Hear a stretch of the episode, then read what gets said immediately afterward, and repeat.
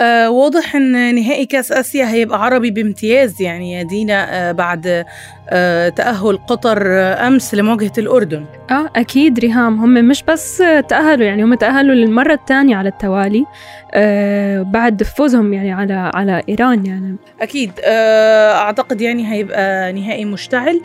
آه الخبر ده وأخبار تانية هنتابعها معاكم النهاردة في بودكاست مركز الأخبار من أخبار الآن. آه معايا أنا ريهام محمود. ودينا الحراني أهلا وسهلا فيكم.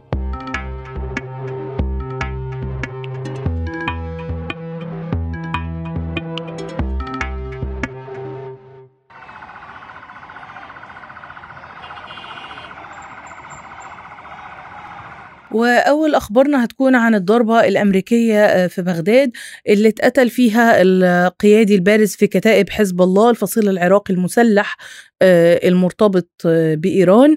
الضربة نفذتها طيارة مسيرة أمريكية استهدفت سيارة أبو باقر الساعدي وهو كان مسؤول عن العمليات في الخارج ونقل الأسلحة من العراق لسوريا ولبنان كمان. أه ومفروض أن واشنطن بتتهمه بالتورط في التخطيط لهجمات استهدفت قواتها في الشرق الأوسط. والضربة دي بتيجي بعد أسبوع من غارات أمريكية وبعدما تعهدت واشنطن باستهداف فصائل مسلحة مرتبطة بإيران بعد أه هجوم 28 يناير اللي اتقتل فيه ثلاث جنود أمريكيين في الأردن على الحدود مع سوريا. وكشف مصدر أمني في تصريحات خاصة لأخبار الآن تفاصيل القصف الذي استهدف سيارة تقل قياديا في كتائب حزب الله العراق ومخزنا للحشد الشعبي في منطقتي المشتل والبلديات شرقي العاصمة العراقية بغداد. والساعدي كان مسؤول عن ملف سوريا العسكري في كتائب حزب الله وفق مصدر من هذا الفصيل اللي فضل يعني عدم كشف عن هويته. والقيادة المركزية الأمريكية سنتكوم قالت في بيان على وسائل التواصل الاجتماعي أن الضربة الجوية جت زي ما قلنا قبل كده رد على الهجوم على الجنود الأمريكيين. والبيان أضاف أن لا توجد مؤشرات في الوقت الحالي على وقوع أضرار جانبية أو خسائر في صفوف المدنيين. ونروح للخبر الثاني واللي هو وجه الرئيس المصري عبد الفتاح السيسي برفع الحد الأدنى للأجور بنسبة 50% ليصل إلى 6000 جنيه شهريا.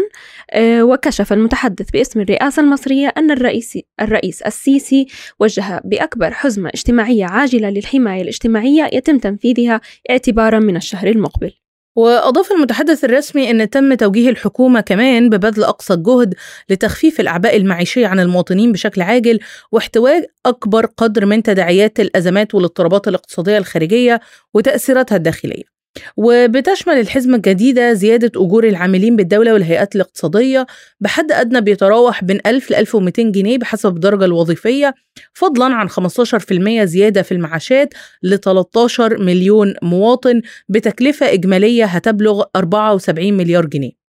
وكان المجلس القومي للأجور قرر في أكتوبر الماضي زيادة الحد الأدنى لرواتب العاملين في القطاع الخاص ل 3500 جنيه بدلا من 3000 جنيه. وخفضت وكالة موديز للتصنيفات الائتمانية مؤخرا نظرتها المستقبلية لمصر من مستقرة إلى سلبية كما حذرت وكالة فيتش من تأثير الاضطرابات الإقليمية على وضع مصر الائتماني وسط تعقيدات عدة يواجهها الاقتصاد المصري.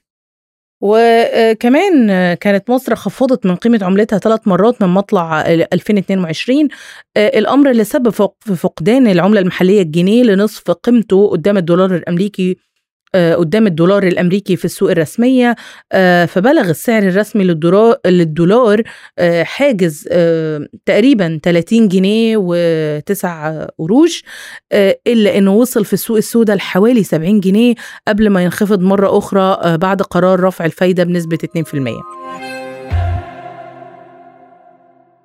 هلأ خلينا ريهام نروح على الخبر الثالث. أه 12 دولة قامت بتعليق تمويلها للأونروا إثر المزاعم بانخراط عامليها في هجوم السابع من أكتوبر.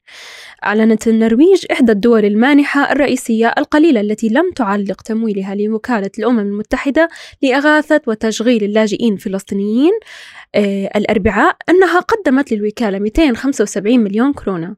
أي 24 مليون يورو لتمكينها خصوصا من مواجهة الوضع الكارثي في غزة. وقال وزير الخارجية النرويجي إسبن بارث آه، في بيان إن الأونروا هي أكتر من مجرد منظمة إنسانية آه، فهي بتمثل التزام من جانب المجتمع الدولي لتلبية الاحتياجات الأساسية للاجئين الفلسطينيين آه، على أن يتم التوصل إلى حل سياسي للنزاع. وأضاف بارث أن من غير الوارد على الإطلاق أن النرويج تتخلى عن الالتزام ده في الوقت اللي أصبح فيه قطاع غزة في حالة خراب. ومش بس هيك اتهمت إسرائيل الأونروا بأنها مخترقة بالكامل من قبل حماس وبأن 12, 12 من موظفي الوكالة البالغ عددهم في غزة 13 ألف متورطون في الهجوم الذي شنته الحركة على الدولة العبرية في السابع من تشرين الأول أكتوبر. آه، وردا على هذه الاتهامات الإسرائيلية أعلنت نحو 12 دولة بينها جهات مانحة رئيسية مثل الولايات المتحدة وألمانيا وبريطانيا والسويد تعليق تمويلها للوكالة. آه، من جهتها بقى الأونروا حذرت من أن أنشطتها مهددة بالتوقف بحلول نهاية فبراير آه، لو لم يتراجع مموليها عن قرارهم.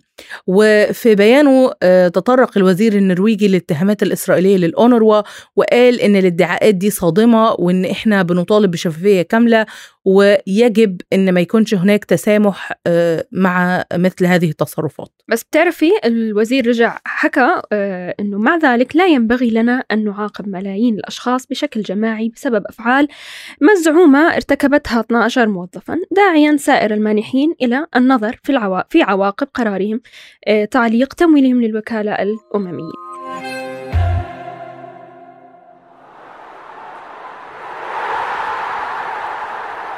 أه بكده نكون يعني خلصنا أخبارنا البائسة ونروح لألطف خبر طبعا اللي هو هيكون نهائي كأس آسيا العربي بين قطر والأردن. أه بعد ما تأهل منتخب قطر للنهائي بطولة كأس آسيا للمرة الثانية على التوالي آه، ليدافع عن لقبه بعد فوزه على إيران بثلاث أهداف مقابل هدفين في مباراة الدور نصف النهائي. صحيح كانت جد مباراة بتجنن وانتهى الشوط الأول من مباراة قطر ضد إيران لحساب الدور النصف النهائي من كأس آسيا 2023 بقطر. آه، ويتقدم العنابي بهدفين مقابل هدف واحد. ورغم أن منتخب إيران كان البادئ بافتتاح النتيجة عن طريق سردار أزمون في الدقيقة الرابعة من زمن المباراة إلى أن منتخب قطر تمكن من العودة في النتيجة عن طريق جاسم, جاسم جابر في الدقيقة 17 من زمن المباراة وقبل أن يت... قبل أن يتمكن أكرم عفيف من منح بلاده الأسبقية في الدقيقة 43 من زمن المباراة. وبس في الشوط الثاني يعني آه، منتخب إيران أدرك التعادل عن طريق آه، ركلة جزاء في الدقيقة 51 وفي الدقيقة 82 من زمن المباراة آه، خطف المعز علي هدف انتصار العنابي والعبور لمباراة النهاية في البطولة. وبكده هيبقى عبر منتخب قطر للمباراة النهائية علشان يكون في موعد عربي تماما في النهائي مع منتخب الأردن. وكان منتخب قطر قد بلغ الدور النصف النهائي من بطولة من البطولة بانتصاره على منتخب أوزبكستان بركلات الترجيح بعد التعادل في الوقتين الأصلي والإضافي بهدف لمثله. آه، يعني أتوقع هتبقى يعني هتبقى مباراة في النهائي مشوقة جدا وهيحضرها يعني أكيد. ملايين وهتبقى أكيد. وأنا واحدة منهم وأنا واحدة منهم. آه بكده نبقى خلصنا آه آه كل أخبارنا لليوم في بودكاست مركز الأخبار من أخبار الآن. استنونا بكرة في نفس الميعاد. آه كنت معاكم أنا ريهام محمود. ودينا الحراني. مع السلامة شكرا.